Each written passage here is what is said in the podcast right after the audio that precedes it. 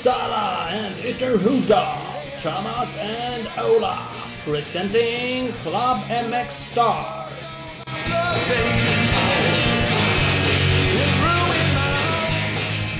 Presenteras av Torells MX, Klubb MX Star Podcast.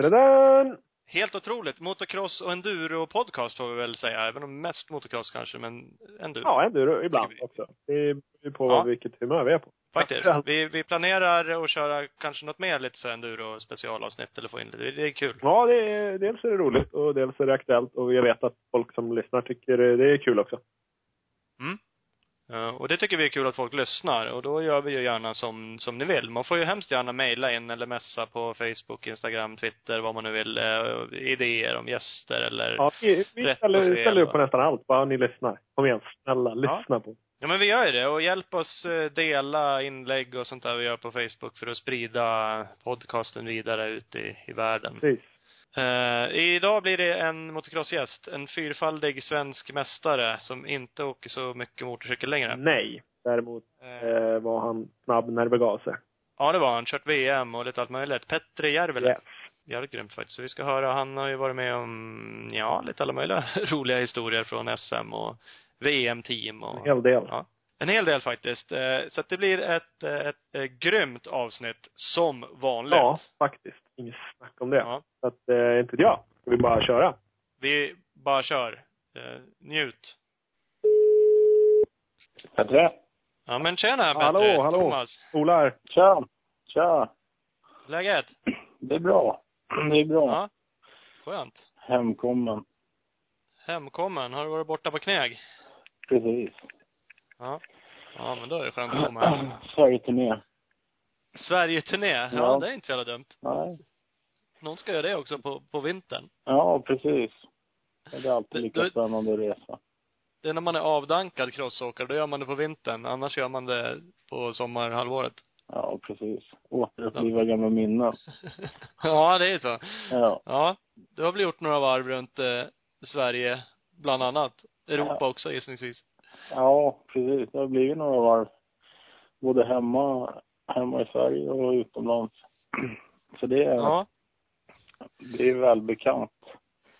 Så det är ingen, det är inte så att man är, känner sig borta när man åker där ute i landet. Man brukar bli ganska van på att åka bil. Ola älskar ju sig att köra bil, så han är ju lite stördare än alla andra. Men även jag har ju blivit van, så att 30 mil, det är liksom, det orkar man inte ens. Då får man ju bara på. skjuta i farthållaren. Får, man, får jag bara köra så det är inga problem alls. Åka med kan jag inte. Ja, det är så. Ja, jag gillar ju att åka med, ja. Jag hatar att åka med.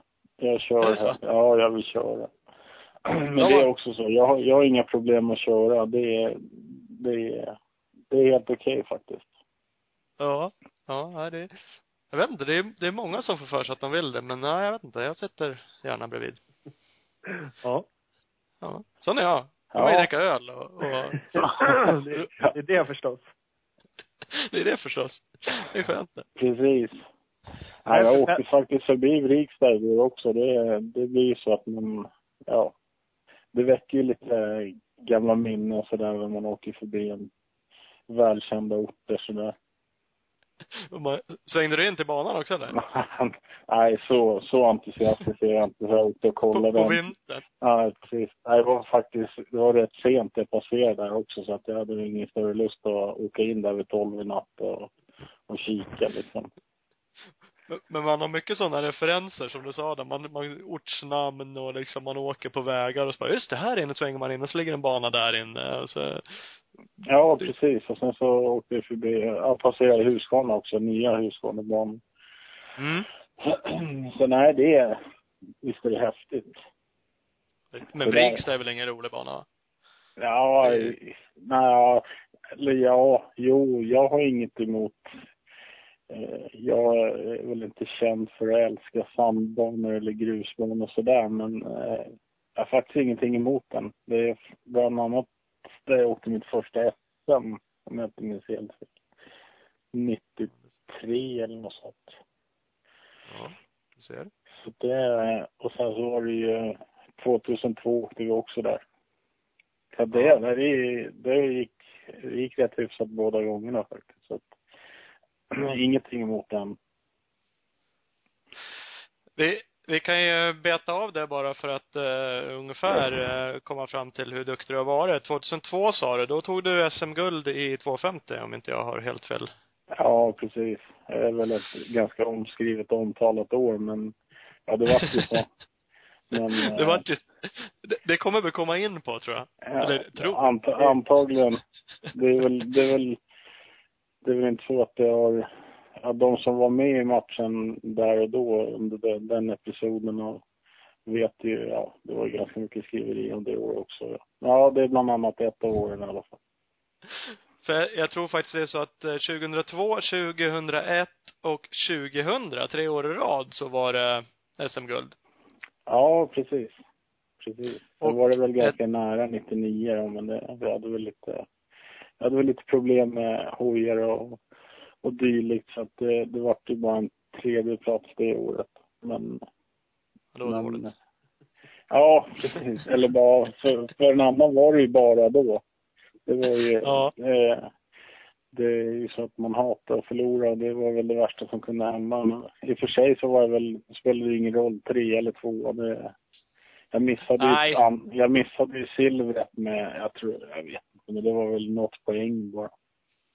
Men det spelade, det hade ju ingen, ingen betydelse och sen, jag kommer inte ihåg, Werner vann i alla fall och ja, det var ju skitsak samma, men då bestämde jag, då, då sa jag inte en gång till. Nu får det vara nog. Nej, ja, då rev du av tre år i rad istället då. Ja, precis. För, för sen har du ett JSM-guld från 97. Yes. Det var ju, borde ha varit det första då, om man inte räknar in, men jag vet inte, kallade man det SM när du åkte 80?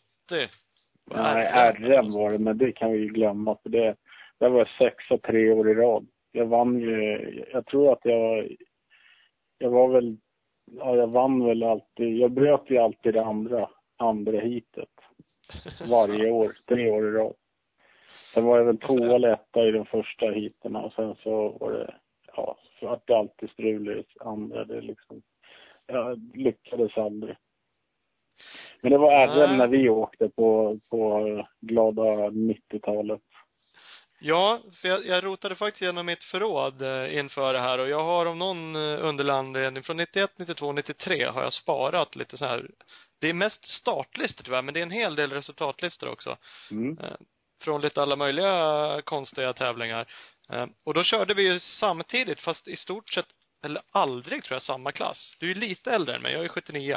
Mm. Eh, och så, så när det var åldersindelat så körde du där och så när det var, det var ju storleksindelat ett tag.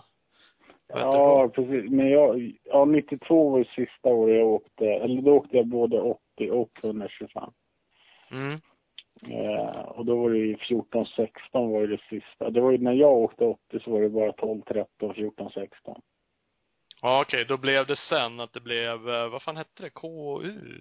Ja, jag kommer ja, Låg och höghjuling pratar man om ja. Ja, precis. Men det hade, men när vi åkte, om jag inte minns fel, alltså nej, det kan, jag kanske minns helt fel, men jag har för mig att när vi åkte, eller när jag åkte 80 så var det både låg och hög i samma. Ja, och så var det ålder istället, alltså ja, var det precis, som styrde. Precis. Mm. Så att det var ju 90, eh, 89 åkte jag aldrig, nej då åkte jag aldrig RM-finalen. Eh, 90 åkte vi, 91 åkte 92 åkte jag. Mm. Eh, så det var ju, ja, det var ju som det var liksom. Det var, men 92 var ju mer, då hade jag mer fokus på 125, då var jag det var inget roligt längre, men det var ju, ja, jag var ju precis fyllda 14 när jag började åka 125, så det var ju också. Och då hade Visst, var, då fick vi köra ja, ihop A-poängen för att bli ja. A-förare. Precis. Att, uh. Och då var man ju mest nervös över 90, det var ju då undra om man kan bli A-förare, det var det man eh, gick och liksom tänkte och, ja, det går nog kanske att få ihop 25 poäng vad man skulle ha för att bli A-förare. Ja. Men det gick ju. Då var det tur det. Ja, det var ju tur det, för då borde det ha lossnat om du inte hade någon fantastisk ungdomskarriär. Du var ju alltid med i toppen, precis som du säger, men du var ju Ja, 80 kubik var jag, 80 kubik var jag väl, jo men jag var ju alltid i topp. Jag var väl, jag vet inte, jag hade ju bra många vinster har jag i alla fall genom, genom de åren också men Men sen Har så, ett, eh, ett vinst där, bara flika in, det är då Nynäshamn 92. Ett kvalhit i och för sig. Petri Järvel etta, Kalle Karlsson tvåa, Anders Lindström trea, Jim Elving fyra, Kristoffer Karlsson femma. Så det är i och för sig ett kval då. men det måste varit RM-kval va? Ja, med ett RM-kval, ja precis. För jag har för mig att 92 åkte jag bara RM-kvalen och RM-finalen. Sen åkte inga andra inbjudningstävlingar på 80. Nej, du ser. Visst var du en av dem som åkte med 125 ram i slutet på 80? Nej, Gjorde du inte det? nej, Det gjorde du aldrig? nej. Däremot, så där- hade, däremot så hade vi en specialbyggd jamma sista året. Var, ja, Jam- jag, jag minns liksom, jag minns, ja. Så vi hade 14-16 hjul på den. Eh, och då hade vi byggt en mellanhjuling. Ja. Eh, eller Yamaha. Det, ja, vi, fick- ja, det var ju då, det fanns här kit att köpa. Eller ja, det kom ju sen mer och mer. Succa hade ju också det. De sålde ju bara låghjulingar. Sen kunde man köpa till kit Ja, var det så det med andra hjul och För folk åkte med jävligt, de såg så här konstiga cyklar. Det kunde vara liksom, se ut som lite shopperstuk blev det på dem Ja, liksom. men det var ju lite, det var ju lite mer, det var ju lite ballare då. Det såg ju lite, det såg lite homemade ut när man kom Ja. ut. Det kunde se ut hur som helst. ja, Idag, var är, i, idag är det mest tröjor och dekaler liksom, men då var det inte det. Då var det liksom, ja, det var lite svetsningar lite här och där. Ja men, ja så där var det. Jag minns ju, ja jag var väl kanske mer hillbilly än andra, men satt hemma och klippte egna siffror och man liksom klistrade på så här, ja men, klippte ut sitt namn och satte på hjälmen och på cykeln var det ju mer bara klistermärke. Det var liksom inga dekalkit, eller jag hade i alla fall Det inte. för, nej, det så var det ju också fram till 92. 92 var det ju mer, lite mer uppstyrt sådär, men, men 90, ja, där i i 90-talet, då kunde man ju bara drömma om att ha egna dekaler, för det kostade ju mer än hojen. Det var ju typ bara Technocell som gjorde sådana, det var bara GP-förarna som hade det, så att det var ju liksom, ja, det, sen när det liksom kom, ja det kom ju ganska sent allt det där andra med, med dekaler och det, det men då var ju liksom, ja, alla hade ju, det var ingen som hade förtryckta nummerskyltar. Alla hade ju liksom, ja, AP-siffror liksom. Det var väl det man, Ja. Det var ju det grejen. alla hade liksom. Ja, precis. Det var ju det som var grejen. Men då hade ju alla, dels hade man olika nummer varenda jävla tävling också va? Ja, det var ju helt kass. Man fick ju alltid Ja. något nummer man inte ville ha liksom. Det såg inte... Och så fick man vänta på att de skulle skicka ut startlistan så här veckan innan. Ja. Så att man fick den och fick kolla vilket nummer man fick. Ja. Ja. Det är faktiskt någonting som jag, det tänkte jag, det var inte alls länge sedan jag gick och, jag kommer ihåg när man var grabb hemma och liksom, det är väl enda gången man har sprungit till en brevlåda för att kolla posten liksom. Nu, nu har man ju mest ångest när det, man ska hämta posten men, men då var det liksom, jag, jag tänkte på det liksom, någon dag när jag hämtade posten, liksom, när man var grabb då sprang man verkligen och hämtade och räckte upp det. Men det ballade, ja, det var ju så här, jag, vi visste ju inte, 91 tror jag det var första gången jag fick åka Ullevi Supercross bland annat. Och då var det ju så här, då var det ju, eh, det var så jävla mäktigt när man fick eh, hem startlistan. Och vi, vi fick inte veta i förväg vilka som fick åka utan det, de skickade ju ut då. Um, Ja, det var så jävla skönt. Det Ja. måste ha varit spännande. Ja, det var det. Man hade ju hoppats, liksom, hoppas jag gjort bra från mig år så att jag, då jag blev uttagen för att åka där. Och sen var det likadant för Globen. Ja. Och det var ju liksom så här, yes! Alltså när man öppnade det kuvertet liksom, det var ju så här. Ja, sen när man kom dit, det var ju liksom, det var ju så jävla mäktigt. Ja, men det är ju så. Man ska inte säga att det var bättre förr, för det var det väl inte egentligen. Men vissa saker var ju jäkligt charmigt liksom. Sånt där. Ja, exempelvis. precis. Fan. Visst, visst var det det. det är, alltså det är mycket minnen man har från, från eh, jag vet att Ullevi vart jag trea. Eh, ja, jag kom trea ett år vart det i alla fall. Jag kraschade bort men jag, jag hade ju chansen att vinna där. Men jag har för, har för mig Björn Bergman vann. Se. Och sen, eh, men sen vann jag, fick jag faktiskt vinna i Globen två år i rad. Det ju vara rätt häftigt. Ja, det var, ja, det var, det var riktigt mäktigt faktiskt. Och det är, ja, nu kan man väl garva att den, den supercrossbanan liksom, det är mycket, liksom, men för en 80 kubikare var det ändå rätt. Ja, och rätt då var det ju, då var det ju det värsta som fanns i Sverige. Det var ju det, det ballaste de kunde komma på. Det var ingen, det var ingen då som tyckte att det var en kass bana ju. Nej, Nej. nej, precis. Och då fick man ju, och, och Guy Cooper är väl ganska känd för att, att lägga ut den ganska kraftigt. Precis. Eh, och han fick man ju uppleva. Sen hade vi faktiskt, jag och Martin Tillsten hade ju, vi vart ju, ja vi hängde ju rätt mycket med Jeff Emig 92. Så jag har ju bland annat hans tröja kvar som han har signerat till mig. Det är coolt. Ja, och jävligt häftigt. Så att det, nej men det är, det är häftigt, häftigt. Ja, jag är glad att jag fått uppleva mycket. Ja, jo, det kan man ju lugnt säga. Jag var nog där och tittade på dig. Och jag minns att jag, något år i Globen där, att, eh, eh, att vi såg de 80 kubiksitterna såklart. Men jag var aldrig med och körde. Jag, jag gick nog aldrig ens och väntade på det brevet, tror jag. och var liksom ingen större idé att hoppas. Jag visste inte att man kunde få ett ens. Nej, precis. Jag sa, fan vadå? Man kör här. Ja, så det, är, det, är, det är många episoder som man, som man kommer ihåg eh, riktigt, riktigt väl. Det är, finns det ju, ja, första EMet man åkte när man kom utomlands liksom, det var ju också, ja det var också helt, ja, det går inte att beskriva. Så Var, det vart, åkte du första EM? i Stettin i Polen. Okej. Ja, och där, där lyckades jag se till så två flaggvakter hamnade på sjukan också. Så det var, så, alltså det var ju lite sådär men, men eh, Åkte du 80 Ja, jag eller kollar. 125 då? nej 125, vi- det fanns ju inget för 80 på den. Det var ju 94 var jag började åka EM. Ja, okej. Eh, och ja, det var andra året, eller ja, det var tredje året jag åkte 125 började jag åka EM. Så, och då, Portelli vann ju hela den serien det året och Jörgensen var tvåa. Nej, Jörgensen vann. Portelli var tvåa. Ja. Så jag åkte ju med dem hela serien och det, jag kommer ihåg första gången jag kollade på, jag åkte i kvalgrupp B. Och jag var och kollade på A-gruppen när de körde liksom, ja, gick ju nästan och kräktes för att det, det gick så jäkla fort. Jag tänkte det här kommer, alltså det här är ju, he- det går ju inte. Och sen, eh, men så kvalade jag in. Så det var ju rätt hyfsat. Sen gick det ju bättre och bättre hela året då. Och sen året efter var det ju trea. Ja. Okej, 125 EM 95 då? ja, precis.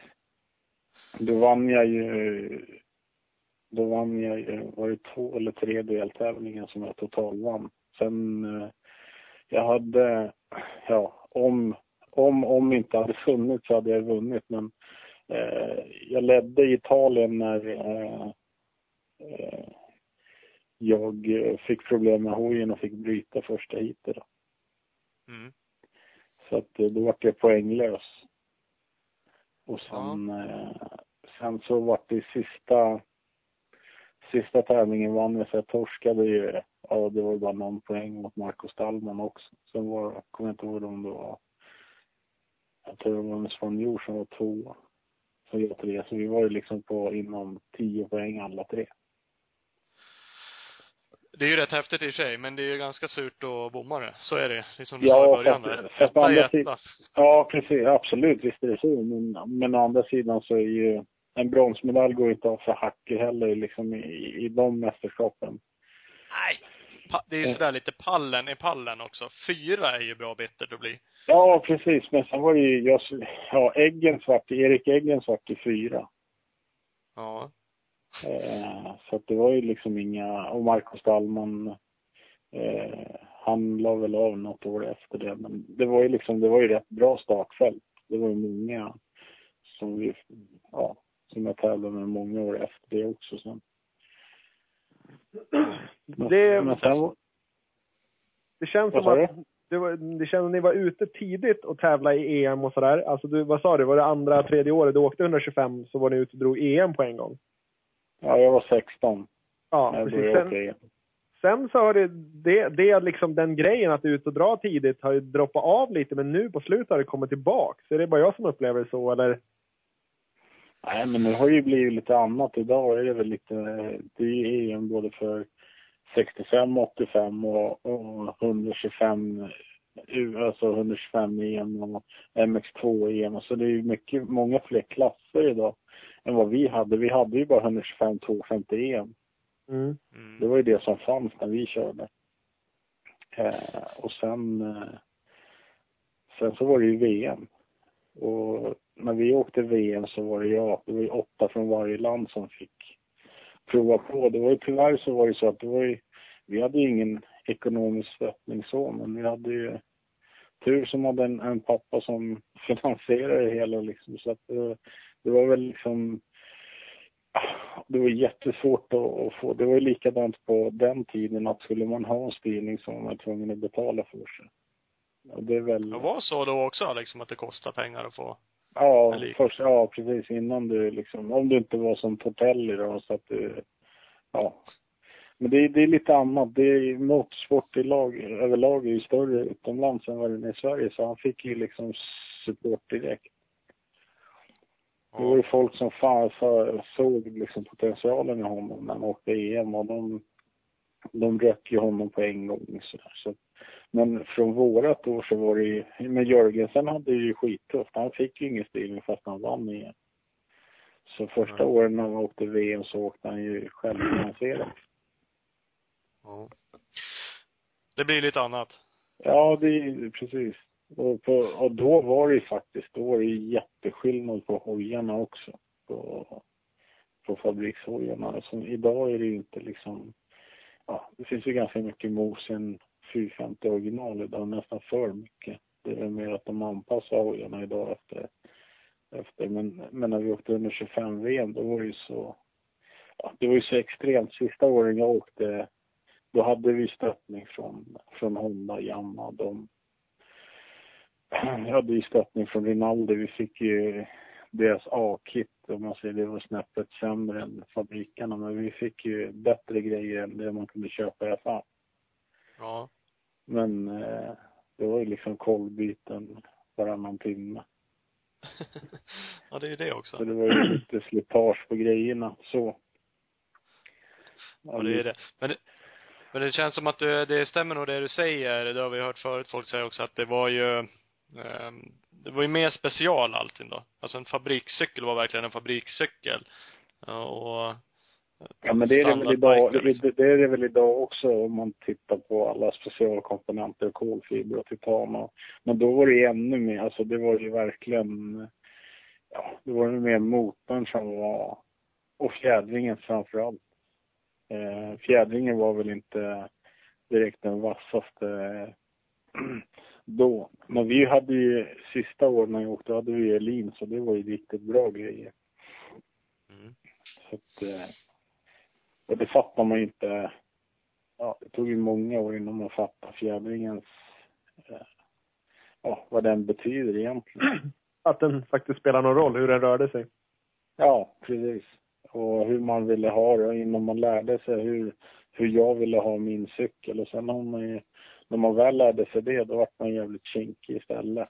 Det var ingenting så, det tog ju jättelång tid att testa fram alla grejer som man ville ha.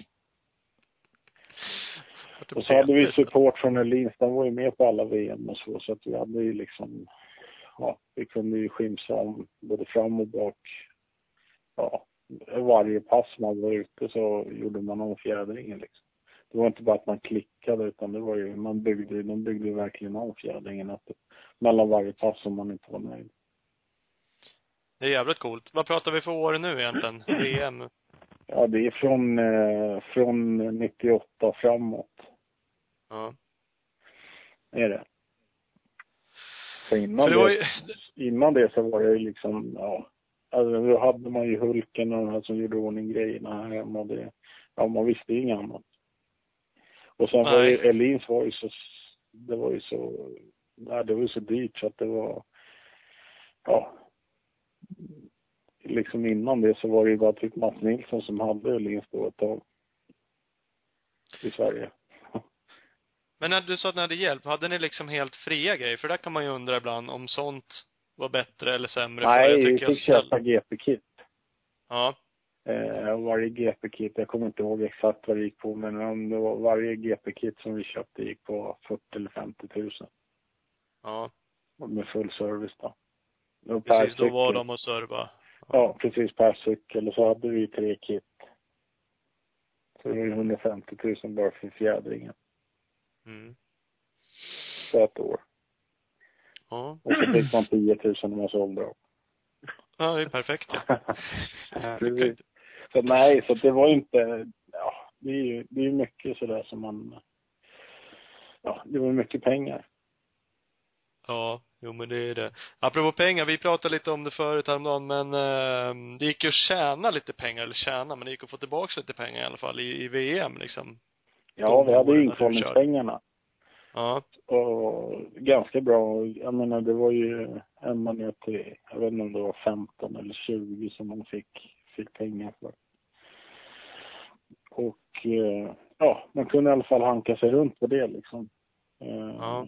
Man hade lite sponsorer så som man kunde lägga ut det och sen eh, istället för att jobba så hade man ju sina inkvalningspengar som man kunde leva på. Eh, Mm. så att, ja, det behövde ju liksom inte, men då var man ju, ja, nu var det ju aldrig beroende av att kvala in så, men, men det var ju alltid trevligt att kvala in.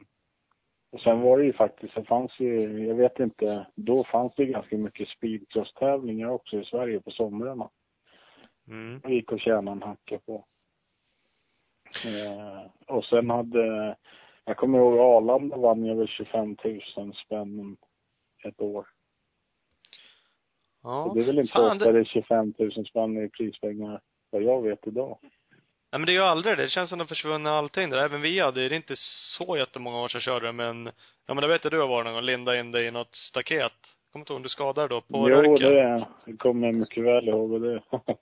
Det var något så här lite comeback-år va? Du skulle ja, liksom börja... ja, det, precis. Jag, ja, det vart ju, eller ja, det, ja, det vart ju det till slut. Eh, och det var väl, ja, alltså 2002 var ju ett år som, ja, det både, både glädje och sorg i det året. Eh, framför, ja, farsan vart ju sjuk hösten, hösten 2002 efter SM och allting så fick jag en diagnosen cancer och sen eh, gick jag han bort året efter. Så att det var ju, det tog, det tog helt, ja det tog, eh, det knäckte mig helt enkelt. Ja. Totalt, fullständigt. Eh, Ja. Jag förstår. och det, det är ju, det är därför jag egentligen, det är väl egentligen en stor anledning till att jag kastat in, eh, 2003 så körde jag ju liksom knappt någonting. Jag, det var, då sket jag i allt liksom. Det var, farsan var dålig och döende och Ja. fick ju liksom åka mellan, ja man levde ju mellan hopp och förtvivlan liksom. Det, och jag hade ju, jag kommer ihåg sommaren 2003 så fick ju farsan hjärnblödning när han var uppe i vår sommarstuga i Finland och så hade jag har en tur som har en vän som Tommy Johansson som hängde på dit liksom.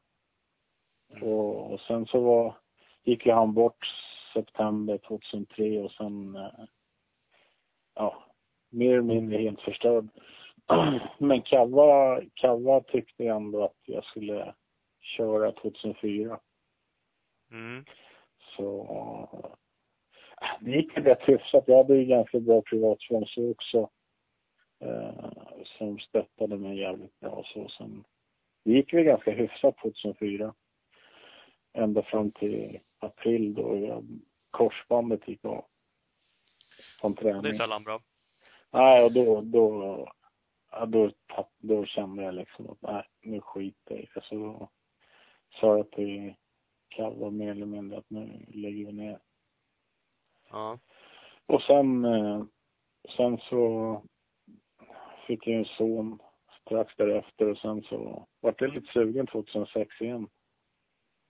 Eh, men då hade jag ju börjat knega som vanligt och hade barn och lägenhet och hela den där Det var lite annat helt enkelt. Ja, precis. Och så hade jag ingen press på mig själv liksom. Jag, ingen, ingen brydde sig, brydde sig om mig så. Nej. Eh, och eh, jag har för mig Linde var med där 2006 också. På Swedfesten. Ja, d- den som var här i Röken? Ja. precis. Ja, möjligt. Ja, skitsamma i alla fall. Det gick, det gick jättebra det året. Alltså jag åkte helt förutsättningslöst bara.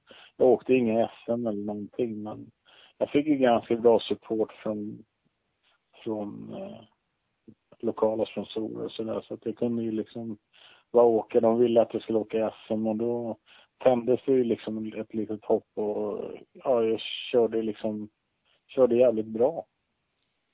Eh, fann glädjen igen och tyckte att det var jävligt roligt och det är säkert åkt full SM-säsong 2007 om det inte hade varit för att jag bröt överarmen där.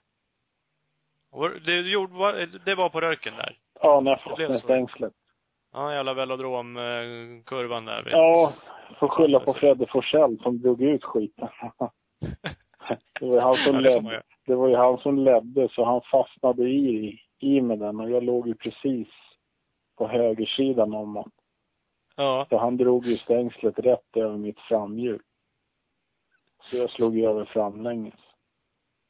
ja. Och sen Då var det klart. Ja, och sen var det klart. Sen var det, sen kände jag liksom när man skulle resa sig så, ja, dinglade ju fingrar. Jag kände fingrarna och kollade på dem. Det var ju, det var ju liksom, armen var ju 90 grader. Mm. Så bara, det här kommer göra ont när jag ställer mig upp. Ligg kvar, ligg kvar. Ja, precis. Sen hamnade jag inne på Akademiska. Ja. Och så skulle de ju operera den, men så gick det inte att operera skiten. Och sen, ja, det är ju bara... Och efter det så kände man liksom, och då, då vart man ju igen så jag hade ju startat eget och allt det där. Och sen så vart man hemma, ingen inkomst och du vet, det bara... Det var inte optimalt. Nej, precis.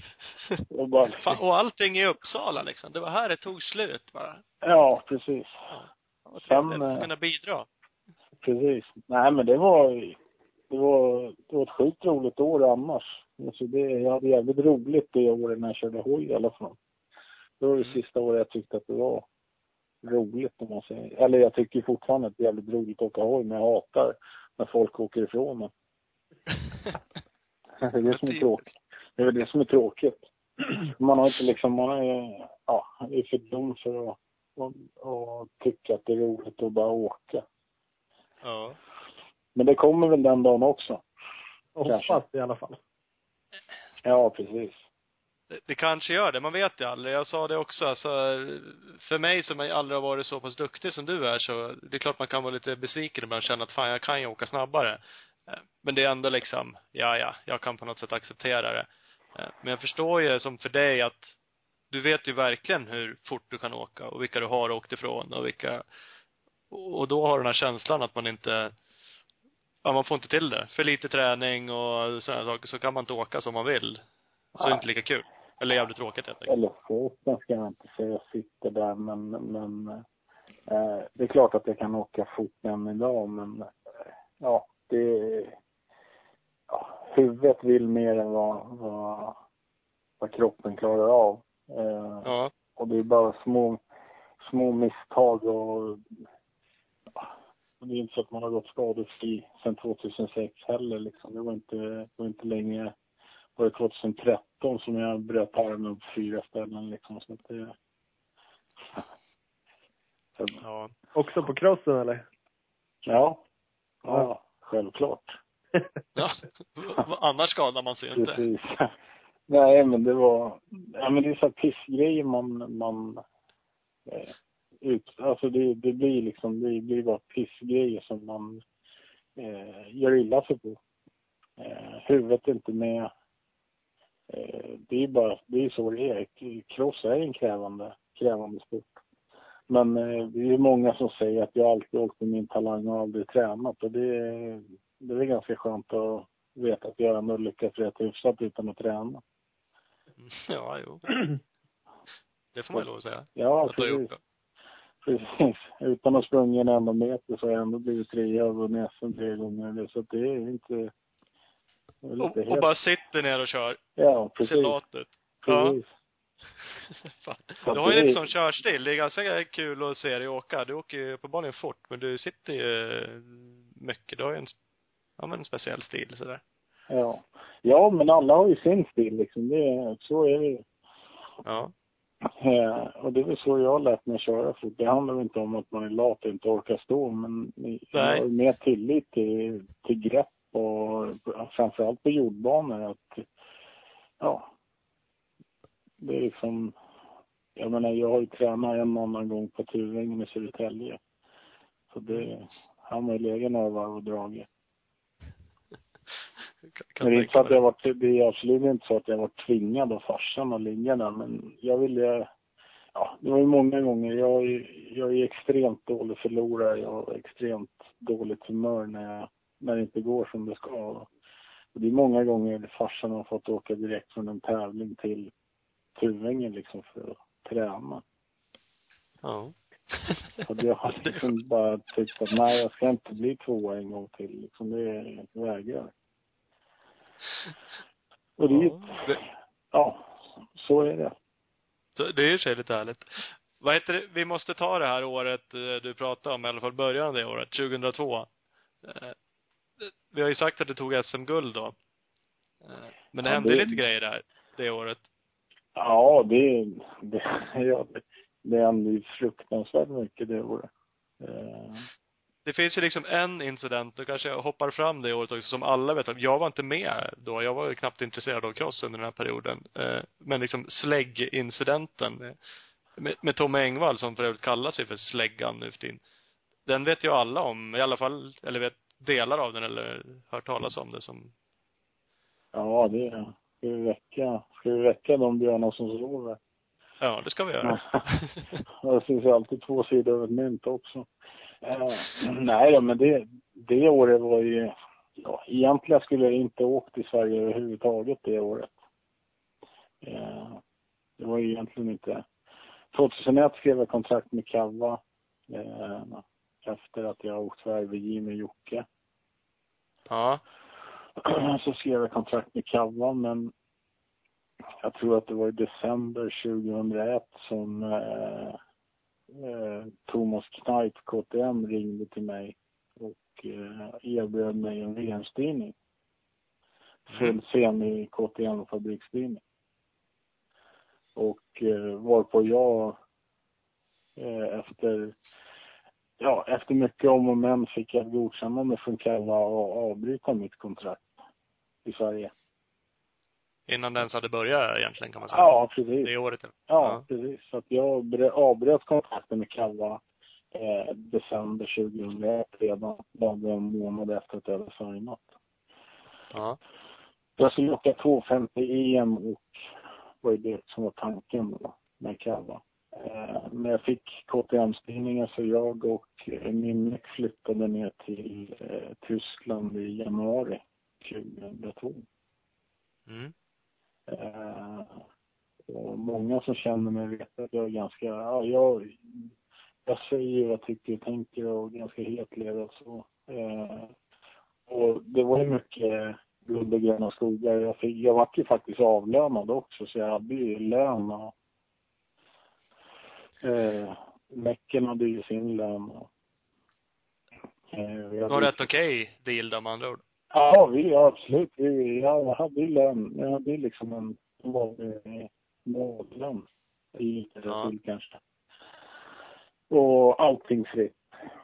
Ehm, och boende hade vi också. Och verkstad, alltså workshop och hela. Men efter, var väl i, i mars med 2002 så liksom, ja, då hade vi varit på väg att åka utomlands och träna. Vi bodde i Tyskland och det, det är inte det superbra i Tyskland i februari-mars. Liksom. Det, det är bättre än här, men det är långt ifrån optimalt för att köra VM liksom. Nej. Eh, och vi skulle, ja, vi kom aldrig iväg och träna. Det var bara, ja, vi ska, vi åker, vi, jag lovar, vi, ja. Så en dag, då sa jag till honom att om inte vi åker på, på måndag. Eh, till Italien och träna, eller Spanien eller vart, vart som helst och åka hem. Ja. Och måndagen kom och måndagen gick och tisdagen flög jag hem. Då fick det vara nog. Ja. Sen så kom, sen så kom veckan hem efter med alla grejer. Så då åkte jag hem eh, med svansen mellan benen hem till Kava. Och så var Då det- skedde det liksom bara la ner det där kontraktet. Fick du kicken då eller det liksom Nej, du sa att, jag åkte hem. Han ringde och frågade vart jag var. Jag var hemma i Sverige. Jag sa ju det sa du. Ja, ja men det var Vi är ju... uppenbarligen inte i Spanien så jag är i Sverige. Precis. Så jag åkte hem. Och åkte med svansen mellan benen till, till Kava och Sucka var ju beredd att hjälpa mig det året också. När jag kom Ja. hem. Så att det, det var inte så att jag hade någon problem att få. Men Kava var, de hade ju signat massa andra förare. Men jag tyckte ändå att, eftersom jag hade skrivit med dem innan så sa jag det till dem att jag, jag är beredd att ta en sämre DSA än vad jag hade. Ja. Eh, och fullfölja mina åtaganden här. Och så vart det väl den vägen. Så fick vi, vart det kalla. Men jag hade liksom tre veckor på mig att förbereda mig för första SM. Ja, Det var det lite- väl. Det var väl lite tajt om tid kanske. Vi hade sålt crossbuss och allting. Farsan hade sålt allting. Så där stod vi liksom början från början med allt. Ja. Men eh, det gick ju bra det med till slut. Och sen Det får man lov att säga. Ja, precis. Sen är det några SM senare så hamnade vi i Skellefteå. Ja, Ja. det, det var där det hände. kan man väl säga. Det, det var där, det finns ju, jag googlade lite, ja, jag tror på det var ditt namn, då står det ju faktiskt på Svenska Dagbladet, skandal skakar svensk motocross, är rubriken.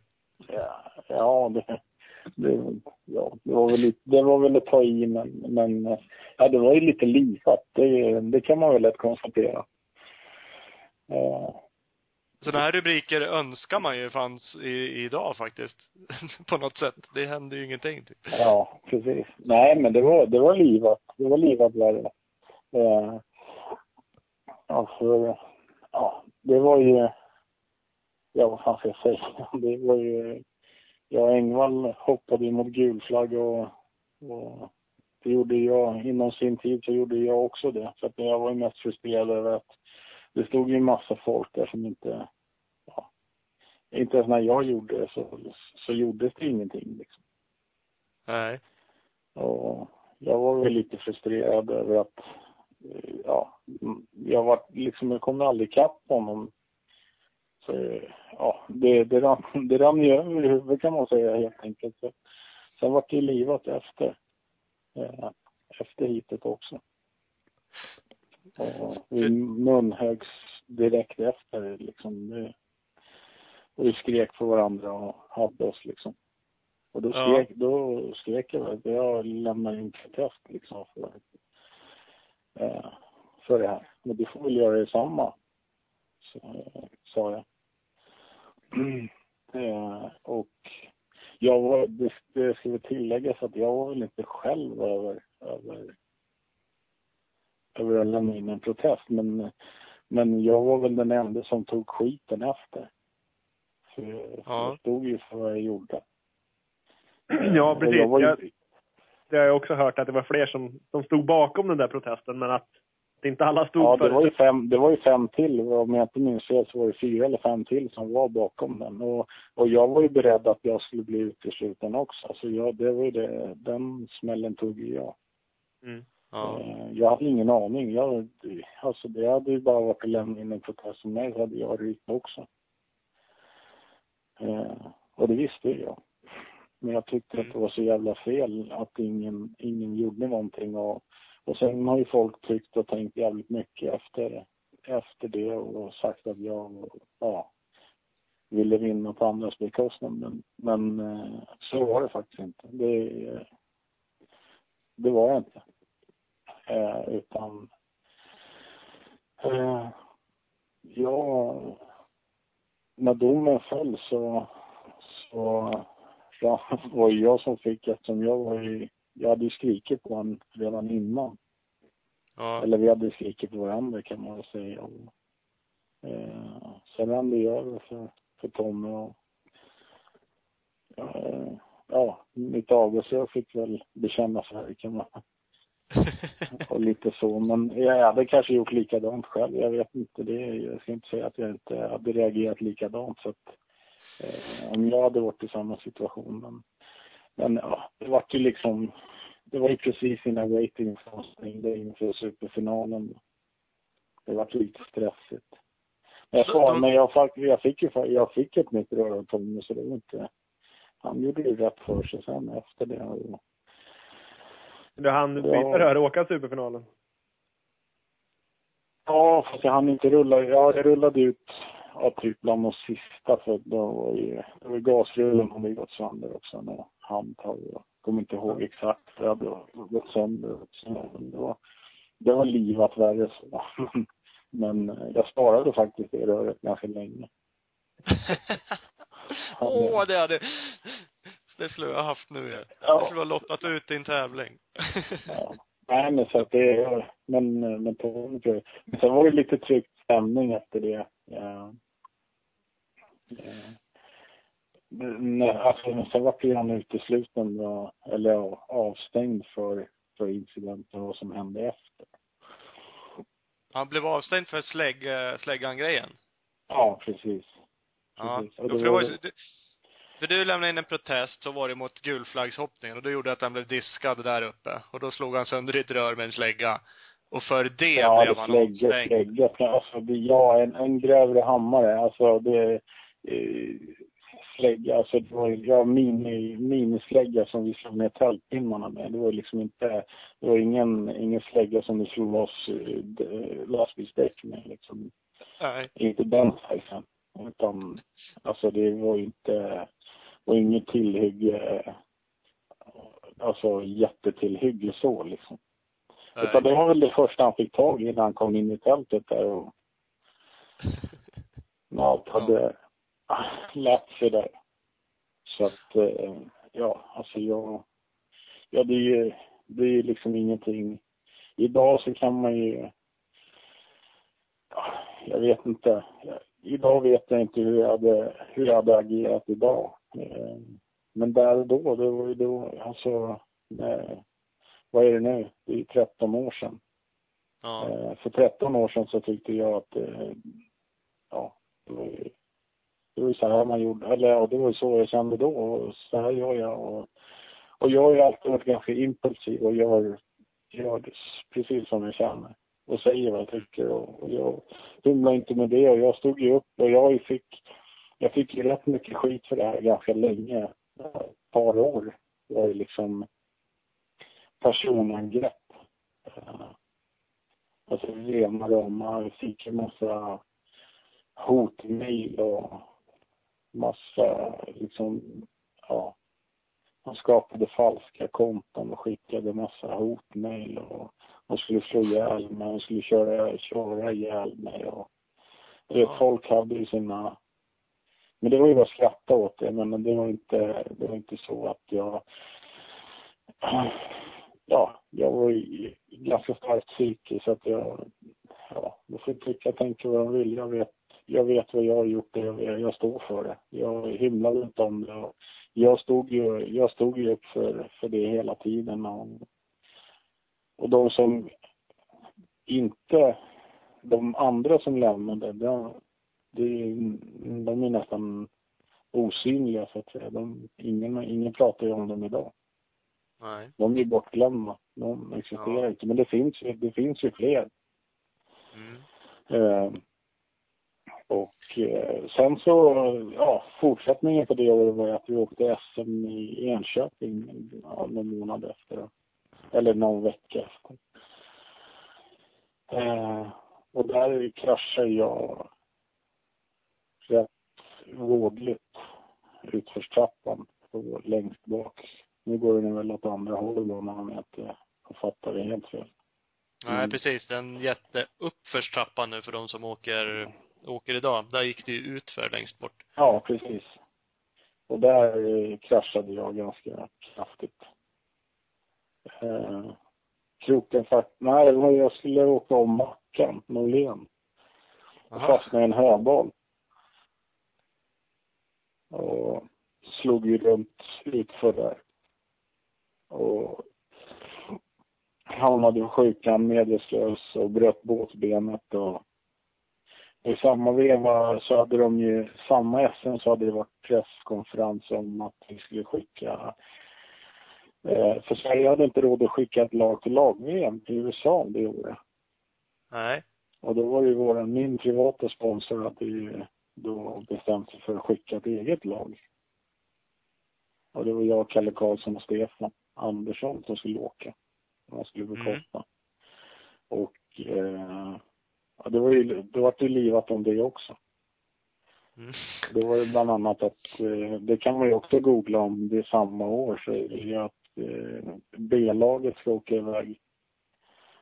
Jonte Engdahl tyckte ju att B-laget skulle, var ju för jävligt att B-laget i Sverige skulle representera, representera Sverige liksom. Och, ja, det var ju ramaskri Men B-laget fick aldrig åka, utan det var ju inställt. Och det var ju tur det, för jag hade ju brutit båtben också, så jag hade inte kunnat åka i alla fall. Nej. Så, För det var då det var 9-11 va? Var det så? Så flyttade de från USA till, eller har jag fel nu? nej, gjorde- nej, 9-11 var väl, ja, det var väl 2001 var det va? Det var Ja, det precis kanske- innan SM-finalen i Västerås 2001. Ja, Eh, nej, men då flyttades ju den, det var ju inställt. Jag vet inte vad, vad det var som hände. Eller det flyttades någon annanstans. Eller jag kommer inte, jag kommer inte ihåg i alla fall. Men sista Nej. SM, sista SM åkte i alla fall med brustet boten. Och lyckades ju ändå vinna. Så Engvall var ju med sista SM också. Ja. Och det var väl ganska tryckt stämning. Eh, och, eh, men jag vann i tidskval och jag fick ju välja plats först och sen, sen var det luckan, vart ju tomt så Engvall ställde sig bredvid mig. ja. Så det är väl, det är väl enda gången i mitt liv jag har klippt en start. Kände, kände mig lite iakttagen och lite pressad. Men eh, jag lyckades klippa starten och vinna hitet och det var ganska mycket, det var ganska mycket hån runt banan. Så det var väl ganska skönt att vinna det hitet. Ja, kan jag tänka mig. Och ändå visa att det var inte Ja. helt fel. Att, Precis. Så att eh, idag så, jag, jag har inte pratat med Tommy men jag det, ja, jag har ingen, inget agg emot det här. Jag vet inte hur han känner. Han kanske har det. Jag har ingen aning. Eh, jag har i alla fall inget. Eh, det är liksom. Jag har vuxit ifrån det där. Ja, sen så, han har ju varit med om, han var väl av med sin lillebror i en bilolycka om jag inte minns fel. Jättetragiskt. Så han har ju också varit med om lite tragiska grejer och jag, farsan min dog och man har fått lite annat perspektiv efter det men men livat var det i alla fall. Det var kul att man, det var kunde, det var kul att man kunde underhålla Sverige under ett år. Ja, jo. För, för som sagt, alltså man, man vill ju aldrig att någon ska skada sig och få rubriker så här, men, men det är ändå kul när det blir lite, det händer lite. Vad fan, det här, det visar ju på något sätt på både från dig och honom att ni är extrema tävlingsmänniskor. Du har ju sagt det nu också, du vill ju liksom vinna och du, du vill ju inte vinna på grund av det där, men och han ville ju säkert inte slå sönder det tror jag, men det är han, det är en jävla frustration liksom och den har man ju inte om man inte är en tävlingsmänniska. Nej, och det är som jag sa tidigare. Jag hade kanske gjort likadant. Jag hade kanske reagerat precis. Alltså, Ja. ja, jag, jag vet inte. Och, och det ska man väl inte ta. Alltså det, det Tom eh, gjorde var ju att han har ju ändå avstått crossen i rätt många år innan, innan han gjorde comeback. Eh, så att, ja. All, all heder åt honom och jag menar fruktansvärt snabb var han ju. Ja. Eh, Men det är ju faktiskt så här, alltså gulflaggsituationer, det, jag kan förstå, jag kan förstå åt alla håll. Det där händer ju även idag, ganska ofta Ja, det, det är ju tragiskt att det är så. Det är liksom, Ja. det, det, nu, har inte, nu följer inte jag, nu följer inte jag svensk cross på det sättet. Eller alltså jag vet ju, jag vet ju vilka, vilka killarna är som kör och, och sådär. Men ofta när man läser så är det ju gulflaggsincidenter som är, är ett stort problem. Ja, och det är ett jävla liv och folk blir diskade och man är sur som fan och de skäller på domare hej vilt, både förare och folk runt omkring och, och så känner man så här, men vad fan, det finns ju regler liksom. Nu har du ju brutit mot den här regeln. Det är klart det är frustrerande att bli diskad. Men vad fan, det är ju en regel och den är till för att skydda alla liksom. Och det är, det är fullt öppet, du får lämna protester. Du gjorde ju inget fel liksom. Det är också ett regelverk som gör att man får göra. Det är upp till var och en. Så att, Ja, ja, alltså absolut, visst är det så. Och- jag bröt ju mot regeln lika väl som han gjorde. Så att det, jag vet att jag, jag vet att jag gjorde fel. ja. Men, men, men när jag i, i, i den här situationen jag var där då så var frustrationen, alltså jag ville ju bara köra i kappan och, och liksom eh, ja, mangla ner. Alltså det var ju liksom, äh, jag, det var ju liksom, jag byggde bara upp ett liksom för jag rullade faktiskt över första, jag vet inte hur många, jag ska inte säga exakt hur många varv det var, men jag rullade över för att det var, det var vinkande gul och det var en gång. Ja. Och han rök varje varv där. Ja. Och då kör, det är liksom, jag byggde upp ett sånt in, en sån inre aggressioner när jag var ute på banan så att jag, jag liksom, jag var ju så arg när jag kom in. Och det var väl Ja. liksom, man ska väl, man ska väl aldrig ta beslut när man är som argast. Det, det ska man inte göra, men i det läget så, och ganska relativt ung var jag också och liksom, eh, ja, alltså, och situationen vart ju som den vart och, men jag tycker liksom, jag tycker att domarna är svaga när de inte tar, det visas alldeles för lite röd eller svartflagg. Ja. Alltså, det är ju så här, om inte polisen ger ett böter för fortkörning så skulle ju alla köra fort, eller hur? Ja. Men när de, ja, alla saktar ju ner i fartkameror. Mm. Eh, men om du får svartflagg och man skulle vara hårdare på de här delarna så tror, så tror jag faktiskt att det skulle bli, bli mindre eh, diskussion. Och sen var det, var det, det var väl något år Filip Bengtsson var diskad va? I Uddevalla va? Ja, precis. Ja, och då var det ett jävla ramaskri för det liksom. Eh, och att domaren har tagit fel beslut och hej och hå. Och nu lyckades väl han vinna SM i alla fall va? Ja. Eh, Eh, Men, men det var ju jävligt, det var ju första heatet där och det var ju jämnt. Han hade jävligt jämnt om SM -et. Eh, Och han blev diskad i första, men han, han vann ju det andra, så han vann ju SM totalt. Han. Eh, Ja, Det men, men, men precis. Men ska man tycka synd då för att han leder SM? Ska man inte straffa honom? Nej. Eh, alltså, förstår du vad jag menar? Det, det är inte... Ja. Ja jag, jag, var ju beredd, jag var ju beredd på att bli diskad. Så att det var ju liksom inte... Sen vart jag ju inte det. Så att, eh, ja. Hade jag blivit det så hade ju då hade ju Espen vunnit SM eller, eller Eliasson eller jag vet inte vem. Men då hade ju någon annan vunnit. Ja, det blir ju så. Så att, eh, ja, jag vet inte. Rätt eller fel? Ja, dömer, men jag, jag vet inte. Jag, ja, det, det är svårt att säga vad, nu så här, men, men då tyckte jag att jag gjorde rätt. Men eh, ja, som sagt, det är alldeles för mjäkigt idag. Eller har alltid varit. Det är inget Ja, alltså, det, det hör man ju nu när du berättar. Det här var ju ändå ett tag sedan och det var det mjäkigt då och liksom det är ju, ja, förhållandevis mjäkigt nu också.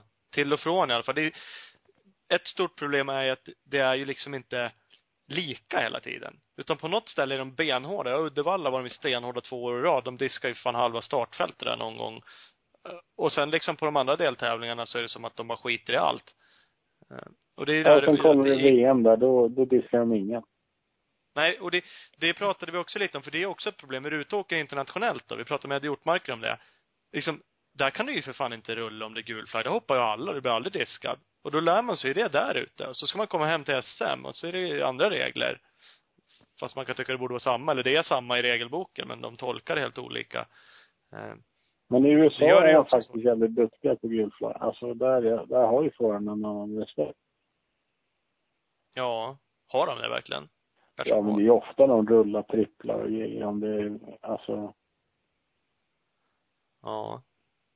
Jo, jag någon, ja. Jag tycker nog också att det är lite mera respekt för, för gul flagg där. Men det är ju, jag, jag får ju uppleva, eller liksom upplever ju att det är ju för att det blir ju lite av en bedömning. Och hade vi kanske på SM en eh, ledarstab med domare, tävlingsledare och sånt som var samma på alla SM. Det borde vara genomförbart. Så skulle vi få en jämnare nivå. Ja. Men det som hör till det här när i, i Skellefteå där liksom, det var ju att det var ju alla stod ju vid olycksplatsen. Till och med domaren. Ja, de borde ha plockat folk. Du borde inte ens ha behövt lämna en protest där. Det borde liksom ha varit diskning. Ja, det för var- dig också uppenbarligen. Ja, nu, nu behöver jag inte nämna vem som var domare, men, men eh, det var väl lite det jag skrek på den också, efter tävlingen. Ja. Eh, hade hen gjort sitt jobb så, så, så Ja, hade det inte ja. behövt hänt överhuvudtaget. Nej, precis.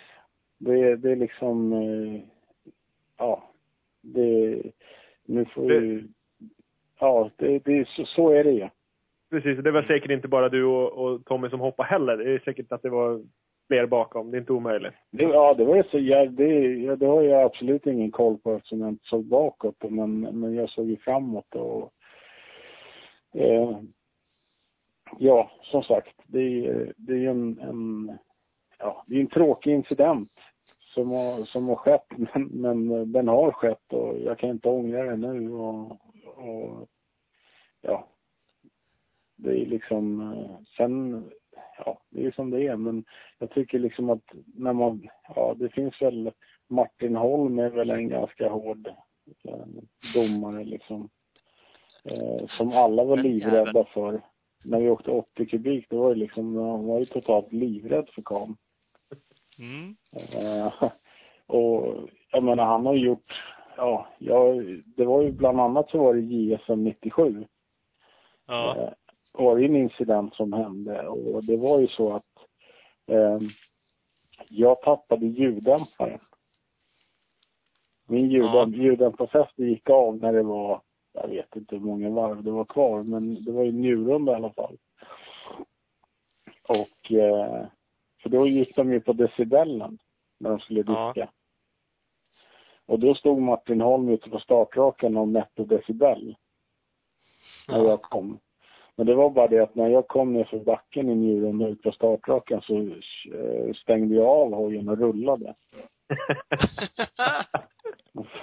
för att han inte, alltså han kunde ju aldrig ljudmäta mig. Och sen så är det så här, och den regeln finns väl kvar kanske idag också, att när två tredjedelar har gå- gått så får man ju inte diska någon. Alltså på, på grund av, eller var det då i alla fall. Ja, jag vet inte fan om det finns, men ja. Ja, så att eh, då, när det var två tredjedelar kvar, så då, efter det. Men då kom ju Martin efter loppet och sa, nu var det bra för nu, sa han till mig. Så då, Ja. det var liksom bara, ja, det var ju en, alltså jag var ju livrädd för att bli diskad eller åka in och byta ljuddämpare, för det hade jag aldrig haft tid med. Då hade jag inte vunnit. Nu var det inte så jättelång tid kvar när, när det hände, men det var ju liksom, han hade ju sina, han gjorde ju sina grejer liksom.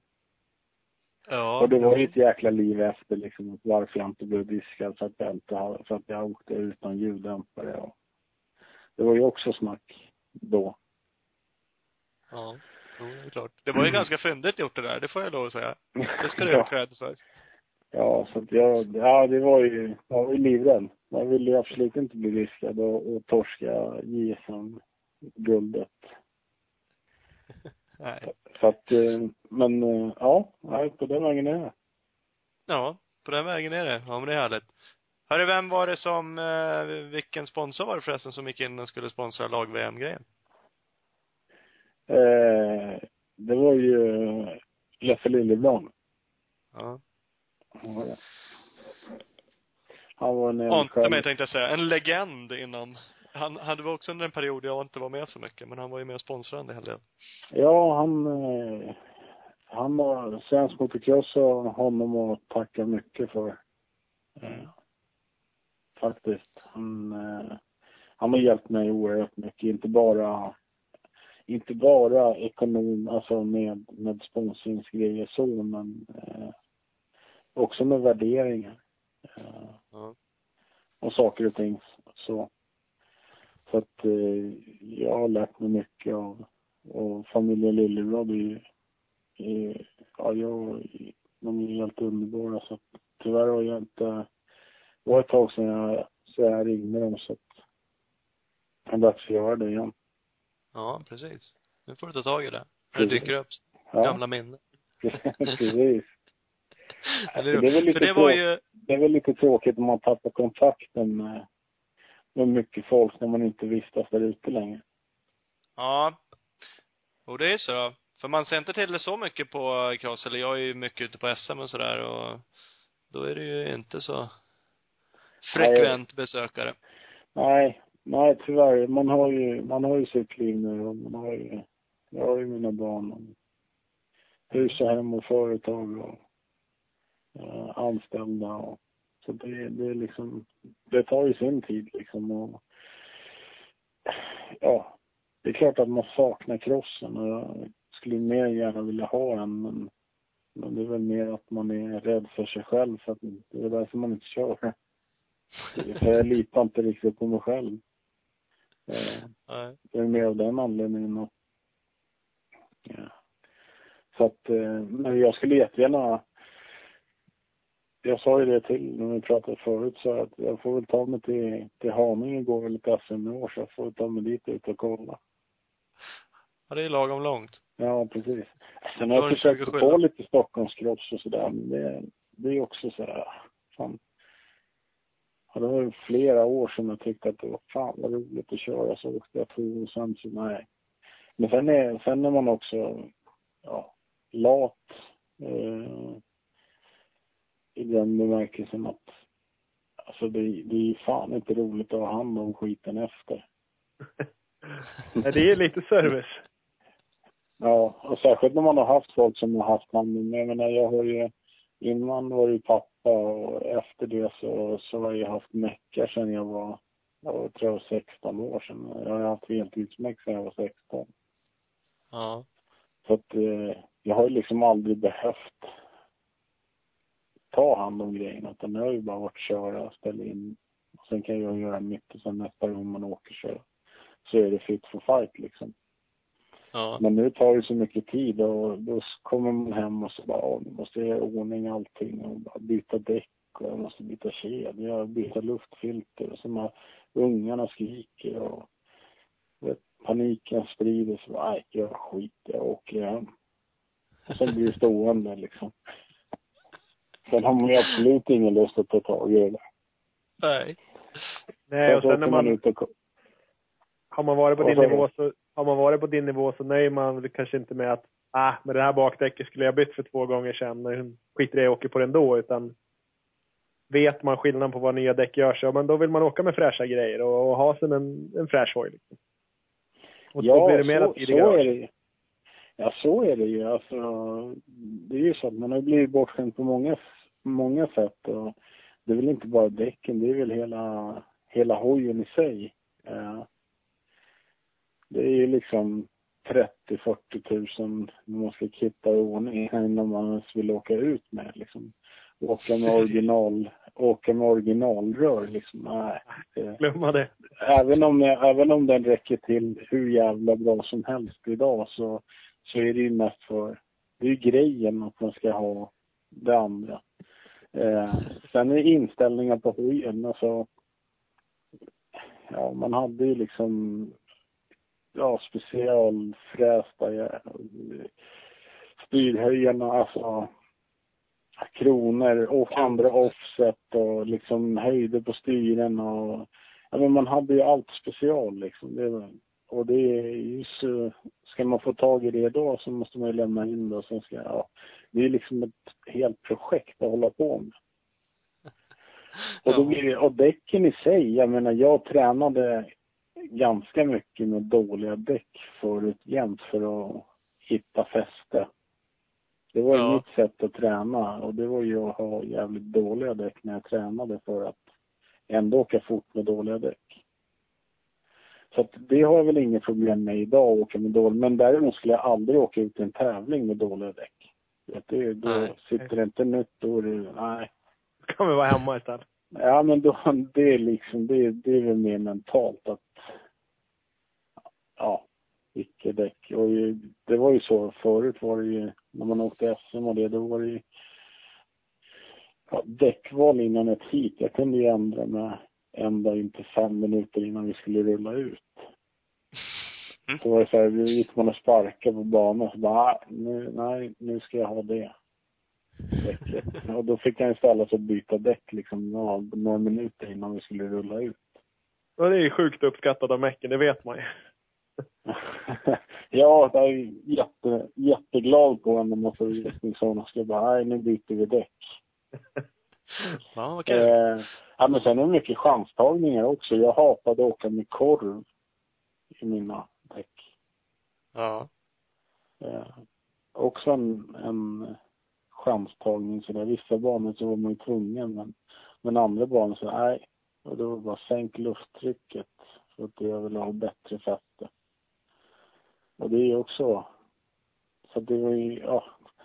Man hade ju sina, men ja, peppa peppa så då så hade man ju, fick man ju aldrig punka när det väl gällde liksom.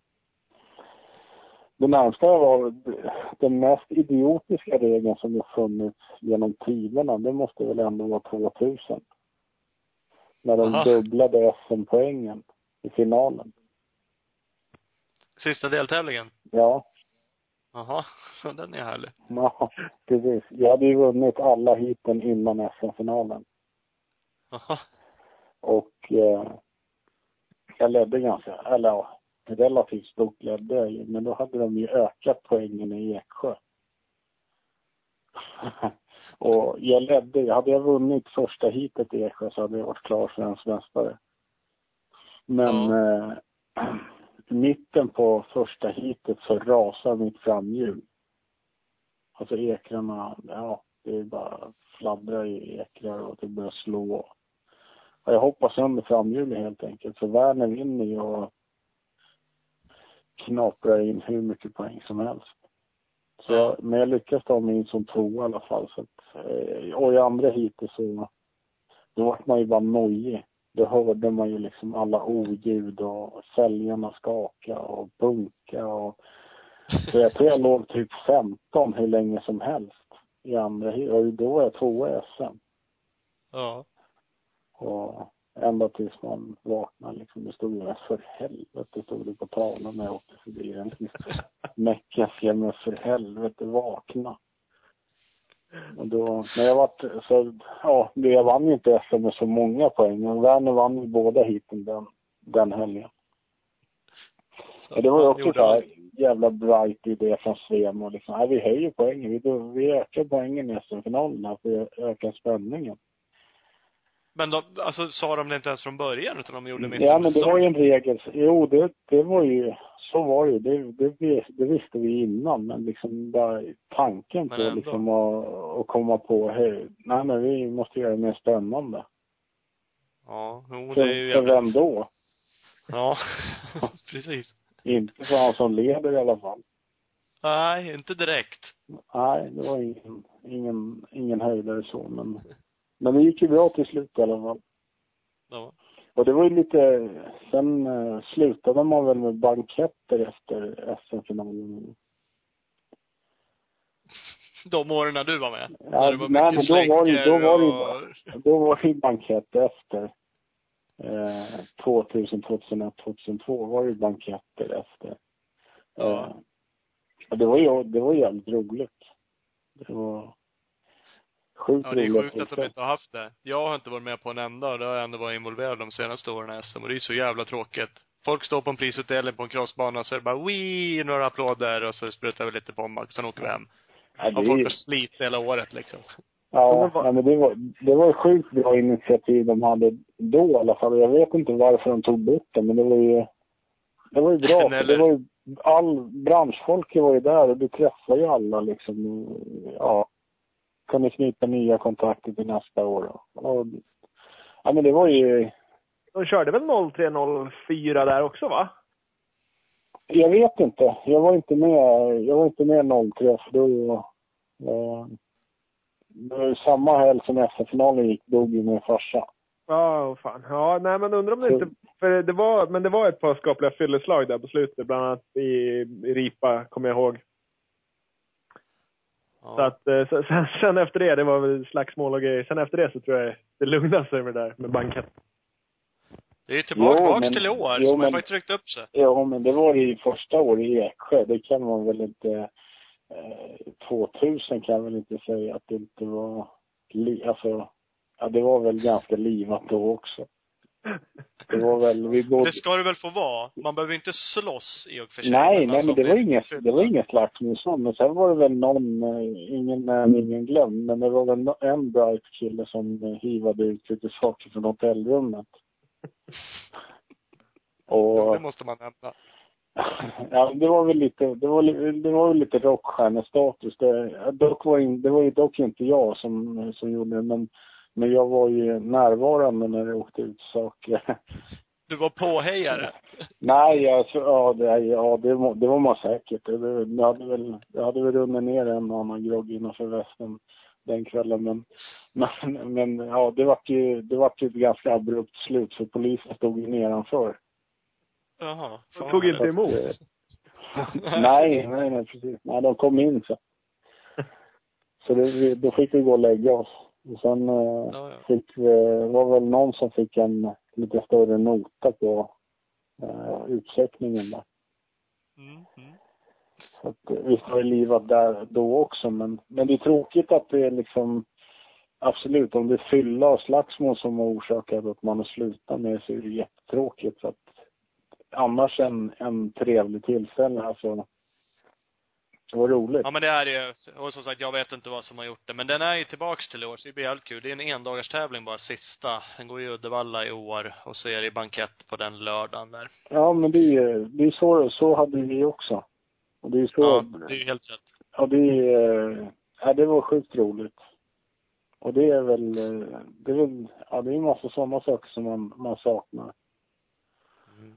Ja, och det... framförallt crosspolare Eh, mm. Som man inte träffar på länge. Vissa har jag ju kontakt med men många har man ju tappat kontakten Och tyvärr har jag inte ens Facebook så att det är ändå... Nej, jag försökte göra lite research på det men det var fan svårt på Facebook i alla fall. Men jag nämnde, jag nämnde att jag hade googlat på det. Jag gjorde det nu igen. Det, det är ju två helt fantastiska artiklar som dyker upp först om man googlar ditt namn, Petter Järvele.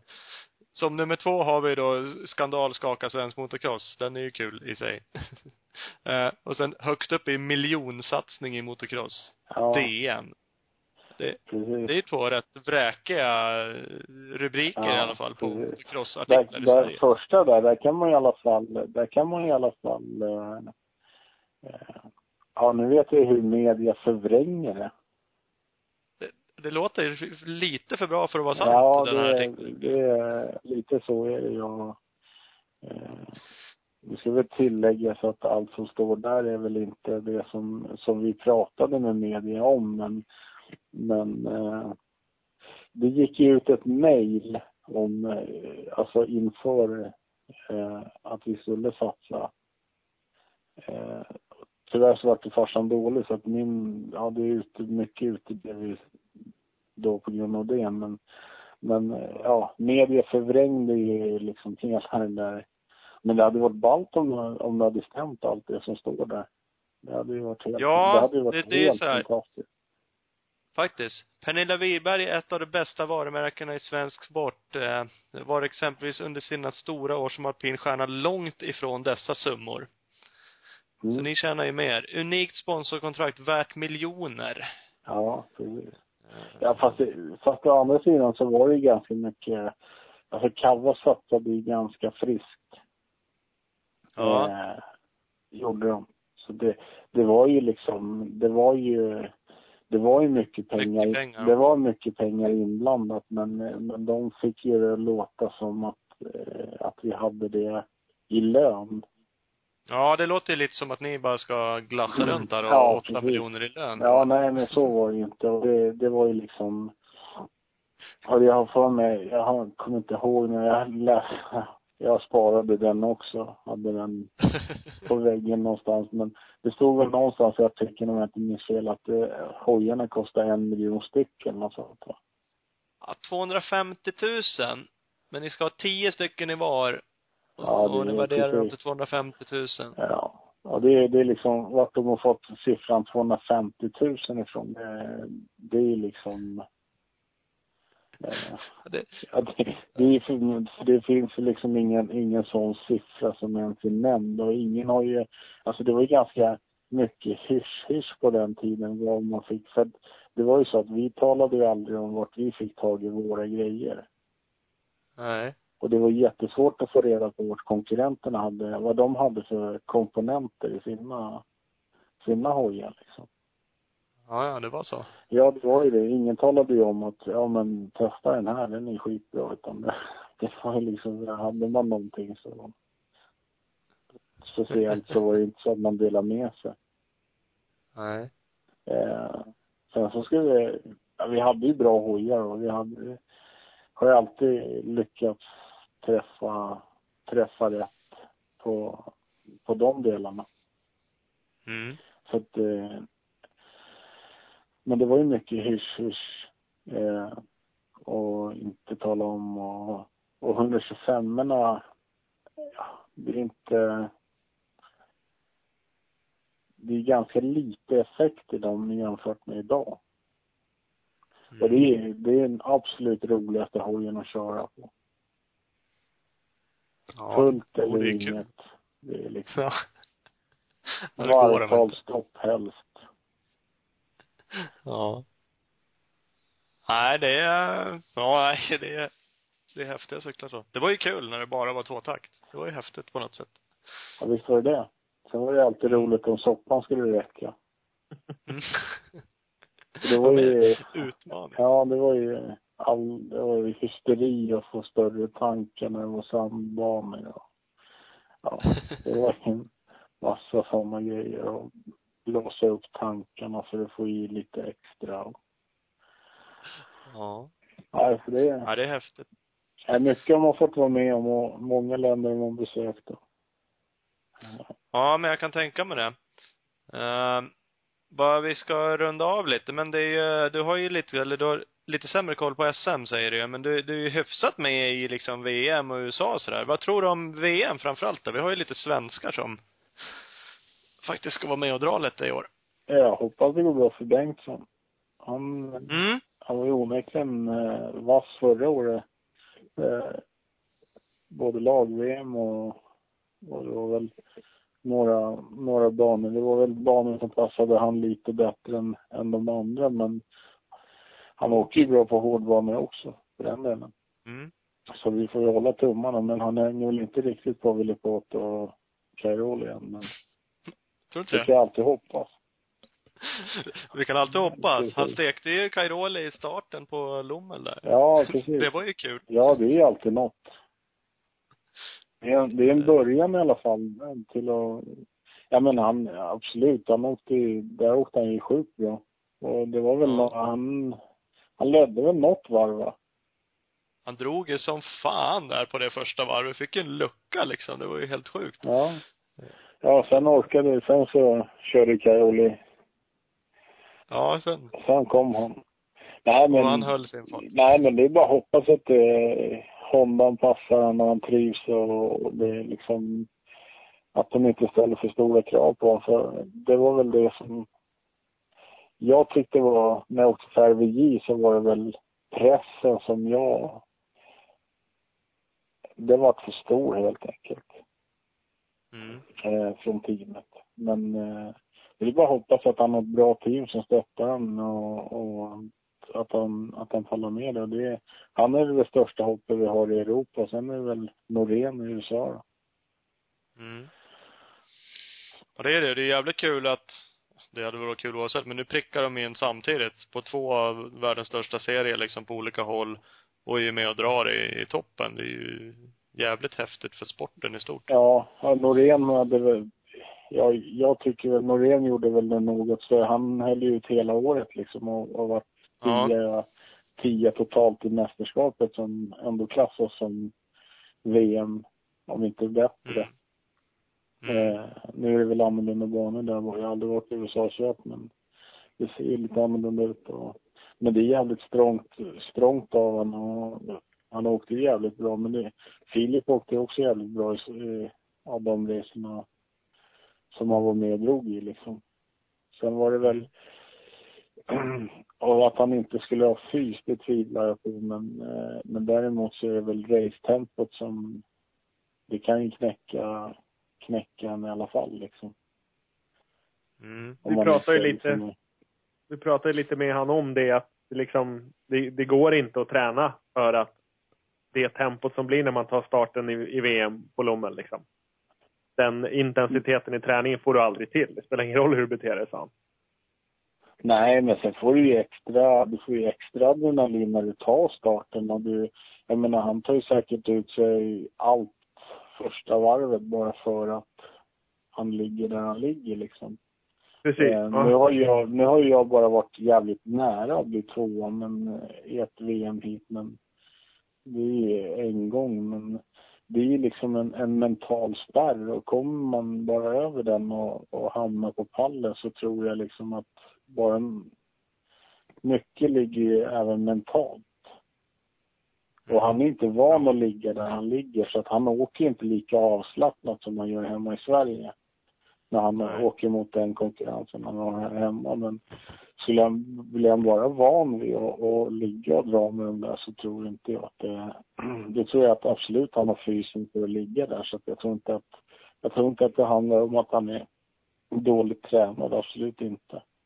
Det är bara, det är bara rutinen som, som ska till och att han, att han ligger där. Och kontinuiteten, nu är det ju en hel VM-säsong. Nu har han ju chansen att köra in sig liksom. För att, att tro att han ska vara med och dra topp fem i de första deltävlingarna så kan man väl kanske inte tro, men eh, får ge det en hel säsong liksom, och han får åka det där tempot och inte skada sig, så tror jag det kan bli riktigt jävla bra. Kul. Ja, vi får hålla tummarna. Det får vi se. Det ska bli onekligen ett spännande år för, för VM. Eh, Ja, det får man lov att säga. Ett jävla uppsving. Dels att vi har svenskar mera med Filip och ja, Hjortmarken och Lundgren. Eh, Men, och sen Villopoto då som är med. Ja, han kommer vinna. Ja, du tror det? Ja, jag tippar på honom. Ola, vad tippar du? Ja, jag tror på... Jag hoppas på Paulin i år. Ja, Ja, jag, han är stark. Jag, jag hoppas Cairoli, men jag tror Villipoto. Jag tror Cairole tar det. Han är så sjukt i alla jämen och åker fort. Han kommer ju lyfta sig, för det kommer han bli tvungen att göra för, för det är många som åker fort och när Villopoto är här också, så att, men jag tror fan han viker inte ner sig nu. Men vi får se. Ja, vi får se. Det är... Nej, jag tror, jag, jag, jag vidhåller. Att det, jag tror att Villipoto tar det för att han, han är alldeles för, för snabb. Jo, helt klart. De, de körde ju första italienska nu i helgen och eh, ryktena säger att Villopoto, eller Cava-teamet, har hyrt banan eh, på måndagen, i måndags alltså. Och eh, bad enkom om att inte göra ordning banan utan bara lämna den som den är. Men på måndag då ska vi träna och sen så, för då hade de Villopoto och deras varvtider att gå på. Då kunde de skicka ut Villopoto och testa och, och se liksom hur han hann med utan att han var tvungen att åka något race för att kolla. Ja. Fegar du med som inte släpper ut den i någon race? Ja, men det är, det är det som är, det är det som är så ballt att ingen vet. Han visar sig inte innan och, Nej. ja, jag tycker, Sjukt spännande. ja, jag tror, ja, ja, i Qatar så tror jag att det, det blir svårt för, ja, det är ingen som kommer rå på honom, för den är alldeles för lik en amerikansk bana. Mm. Så att, eh, nej, vi, vi får se. Jag tror, jag tror på honom. Ja, kul. Eh, Har du, känner du Lundgren någonting sådär? Ni är ju i Stockholms... Ja, vi bor inte långt ifrån varandra. Det, han bor ju bara ja, jag ser nästan, nej jag ser inte vart han bor men det, han det är ju bara några, eh, en kilometer härifrån han bor, där jag bor. Men nej, jag känner inte, jag känner väl mamma och pappa Lundgren bättre än vad jag känner Anton men men jag, ja, även om vi bor nära så är det väl någon gång per år som man träffar på dem någonstans här. Det är bara att hålla tummarna att det går bra. Och han, Ja, absolut. Han kraschade ju i italienska, men hade ju bra varvtider, så att... Eh, ja, det var grymt bra. mm, Så att, eh, jag menar, han visar ju verkligen att eh, han har ju verkligen tränat sig dit han är idag. Mm. Eh, så att det, visst, visst går det liksom och det, det är bara att hoppas att eh, men det var ju det som du och jag pratade om förut, tyvärr har vi inte tid att ta det nu, men eh, man skulle ha gjort en annorlunda ungdomssatsning i Sverige. Mm. Ja, du sa det att man skulle bygga mer från grunden. Inte kliva in så jävla sent som de gör nu med och hjälpa folk utan, Ta det från tidigare ålder. Så ja. att det, nej men vi får verkligen hoppas att det, och det kommer ju sporra många ungdomar och ju fler vi har som, som drar där ute desto ja, förebilder för de små, ju, ju hårdare kommer de ligga i och nu har vi bra många som ska åka Honda 125 cupen läser jag. Jag får ju trots allt 100, ja precis, 100, ja det är 150-klassen där va, som de fyr. Eh, För ja, Honda gör ju en satsning faktiskt på eh, ett gäng yngre grabbar. Det är kul. ja, precis. Så det är, och det är, nej, det är sjukt kul att de, att de satsar. Det är synd att man inte... Ja, det är synd att det är så svårt att få sponsorer i Sverige. Alltså utomstående, alltså utanför branschen. Eh, för de, ja, jag tycker det är synd om de som är i branschen också för att de, de har ju begränsad budget de med. Mm. Så att eh, vi säljer trots allt, vi är inte, de har ju liksom inte en hur stor plånbok som helst för att vi är inte så många som utövar denna sport i Sverige. Nej, det är ju så. Den är ju klart begränsad. Det är ju inte så mycket folk till att börja med och alla tycker inte om motocross tyvärr. Nej, Eller kanske så är att skönt i och det, det är väl lite synd att det, att det är så men eh, nej, jag, jag hoppas, hade jag haft mycket pengar och så hade jag ju mer än gärna sponsrat. Ja, mycket. Mig. Ja, mycket precis. Ja. Mig och Matte Söder hade du sponsrat eller hur? Ja, precis.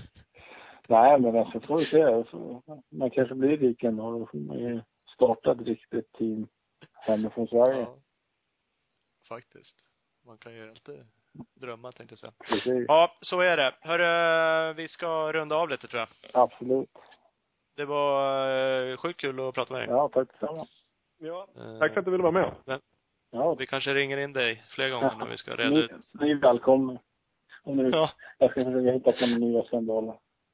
ja, precis. Du får göra det. Precis. Ha det bra. Hörs. Ja, ja gör det. Nej, Hej då. Ja, det är för lite skandaler. Ja, det är det. Men det är som, ja, jag vet inte. Jag satt och funderade på det. det är, han är sjukt, sjukt jävla osugen på att förlora. Världens Ja. jävla vinnarskalle. Skittjurig, spelar ingen roll. Tvinga farsan att nu åker vi hem från tävling. Nu skjutsar du mig direkt till fans crossbanan i Södertälje för jag ska träna. Ja. Och eh, Engvall, också bara världens sämsta förlorare. Bara vägrar. Allt man gör, det ska man göra till 150 procent. Annars ska man skita i det. Ja. Är folk så längre? Nej, men det känns som att man, nej, skulle jag säga. Nej, alltså jag kan inte säga någon så här som jag vet bara typ kastar hjälmen och är asförbannad bara för att han blev tvåa liksom. Utan Nej. då är det något annat jävla larv. Men det ja, jag, jag kan inte säga någon så här som jag vet att det här är typ lättcross Sveriges sämsta förlorare. Nej. Sen rullar man in som trea och bara ah, fan, oj, grymt idag, nu ska jag gå ja, ja, kolla på Ja. DVD. Nej men det är ju ja, jävligt konstigt. Ja, ja, men det är, min upplevelse lite också. Man är lite så här, ja men det kan man ju vara nöjd med. Det, Ja, det var ju trevligt. trea Ja, liksom. fan, ja, tid. det är kul. Solen sken idag och sådär alltid. Ja. Och, och, och samtidigt så är det inga, på samma sätt är det inte så här samma rivaliteter längre heller. Nej. Då, back in the days när Petri åkte, då var det, fan, han är dum i huvudet jäveln. Han ska sätta av om man kommer åt. Liksom. Det var lite mera så. Men, eh, men nu Ja. för tiden så bara alla är mys. Och är det, är det någon som är, är jävlig att åka mot? Nej, nej, alla flyttar sig när jag kommer. Jaha, okej, varför det? Nej, men det, Ja. det är jättekonstigt. Och alla är rädda att trampa någon på tårna. Ja, lite sådär. För att det skulle behövas, alltså det är ju kul. Som sagt, man önskar inte att folk ska spöa varandra eller köra ner varandra och skada varandra. Det är ju inget kul. Men, men bara såna här rubriker liksom är ju sjukt eh, roliga. Ja. Skandal skakar svensk motocross. Ja, men en sån, I tänk, S Svenska tänk en Dagbladet. sån som Tyler Bowers som bara vrider ut på Västerås och börjar trycka av folk till höger och vänster. Ja. Jävla hjälte. Och sen bara, du, snacka inte skit om mig för då får du fan spö. Ja.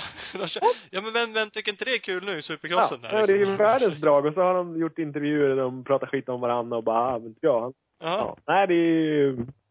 Det skulle vara svincoolt. Jag tror de flesta skulle svänga åt sidan halvsnabbt om han kom ifatt. ja, det tror jag faktiskt också. Jag skulle ha gjort det direkt. Ja, ja. Absolut.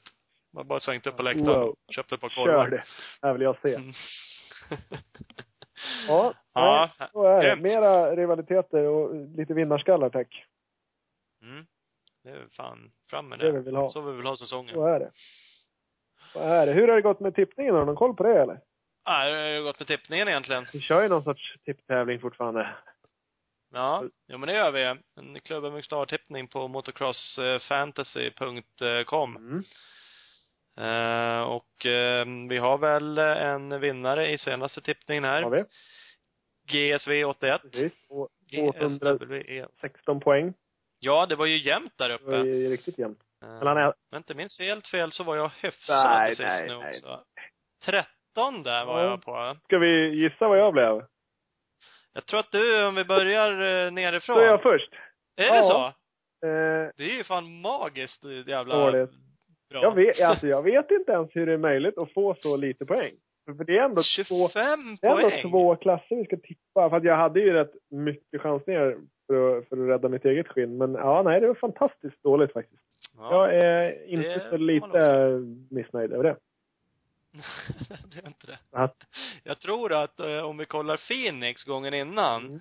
så kan vi börja bakifrån också och titta vart jag jag hamnade. var också Så jag tror inte jag, närheten.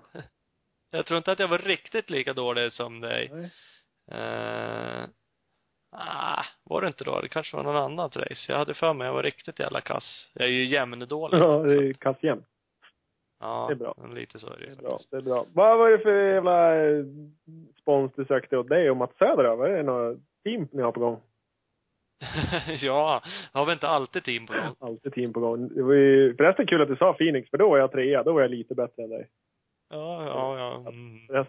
Ja, men det låter kul med team. Vi ska ha ett eh, Husqvarna-team, så att eh, vi ska, vi söker lite eh, hjälp där från Husqvarna. Mm. Fantastiskt. Vad ska ni åka? Du vet, lite utvalda för fina race. Stödhjulstävlingar? Ja, kan man ha någon stubbrace kanske ute hos farsan? Ja, Bara jag och Söder som ja, kör. ja, men blir vi ett och två jag har hört att Husqvarna är sjukt sugna på status-event. Ja. ja, jag vet inte. Matte Söder är väl inne på något form av enduro-team. Jag är ju mellanintresserad av det. Fast ändå lite. Ja. Ja. Jo, ni har ju rosat marknaden i Östra Open, eller jag säga. Men Östra Open är ju, det Det är, är ingen riktig enduro, annat. eller? Nej, jag vet inte vad det är. Nej, Det, okej. ja. Nej, men det är inte på riktigt. Nej, fan eller. Nej, men SM-poäng i enduro åt, åt eh, Thomas Persson. Ja, det tror jag inte är något problem faktiskt. Nej, det är bara att ställa ut hojen det. Nej, men vi ska köra lite sån här extremrace Ja, precis. Det ska ju du och jag göra vi- också. Är Ma- Ska Ja. Mats Söder också åka dem? Det, det vet jag faktiskt inte. Det är jag nog mer tveksam till om man ska. Mm, då ska han vara teamchef. Ja, då, Du ska vara pilot. Ja, men det låter bra. alltså. Ja, nej, men jag är faktiskt jävligt, jag har varit jävligt oåksugen nu i, i vinter. Men nu börjar jag känna att jävlar vad det vore kul om det var vår nu. För då jävlar ska vi få Ja, jag funderar på att släcka mina dubbdäck på lördag på någon crossbana. börna slut på Ja, och sen sen- bara Ja, vår. sen plocka av dem helt enkelt. Eh, och helst sälja Oj och hela helvete. göken. Nej, inte heller helvete. Men jag ska ha en Husky. Husky 350, det är ju fan värsta maskinen. Ja. Kommer ju göra stordåd för mig. Enduro, Kommer ju- en, endurobike. Nej, Nej, även om jag ska köra enduro kommer jag inte åka på enduro. det kommer för töntigt. Ja, Det är för ja. töntigt. Det är lite mer Ja. Precis. Hör du det Ljunggren? Ja. mot endurohoj. Ja. ja. men det, det är olika. Ja, det är det. Ni- Du har ju påslagen, det har inte han. Ja, ska du inte jämföra med Ljunggren. Det är taskigt mot Ja, honom. lite. Ja, men det Ja, låter ja. Skit i det. Gå in, och- gå in på motocrossfantasy.com. eh, Leta upp våran eh, Club MX Star-liga. Mm. Var med och tippa. Tippa. Eh, jag fortsätter lova klistermärken. Det är ingen, det är ingen som riktigt hör av sig. För det måste man göra. Topp tre i varje deltävling. Eller vi har kört i några av de här. Vi kan köra i alla. Topp tre om man vet att man har varit i någon deltävling. Dra iväg ett mail eller ett mess. Så ska vi fixa lite Klubben Mixlar stickers. Ja, vi. Eh, så är det. Då funkar det. Mm. Hej, hej, hej.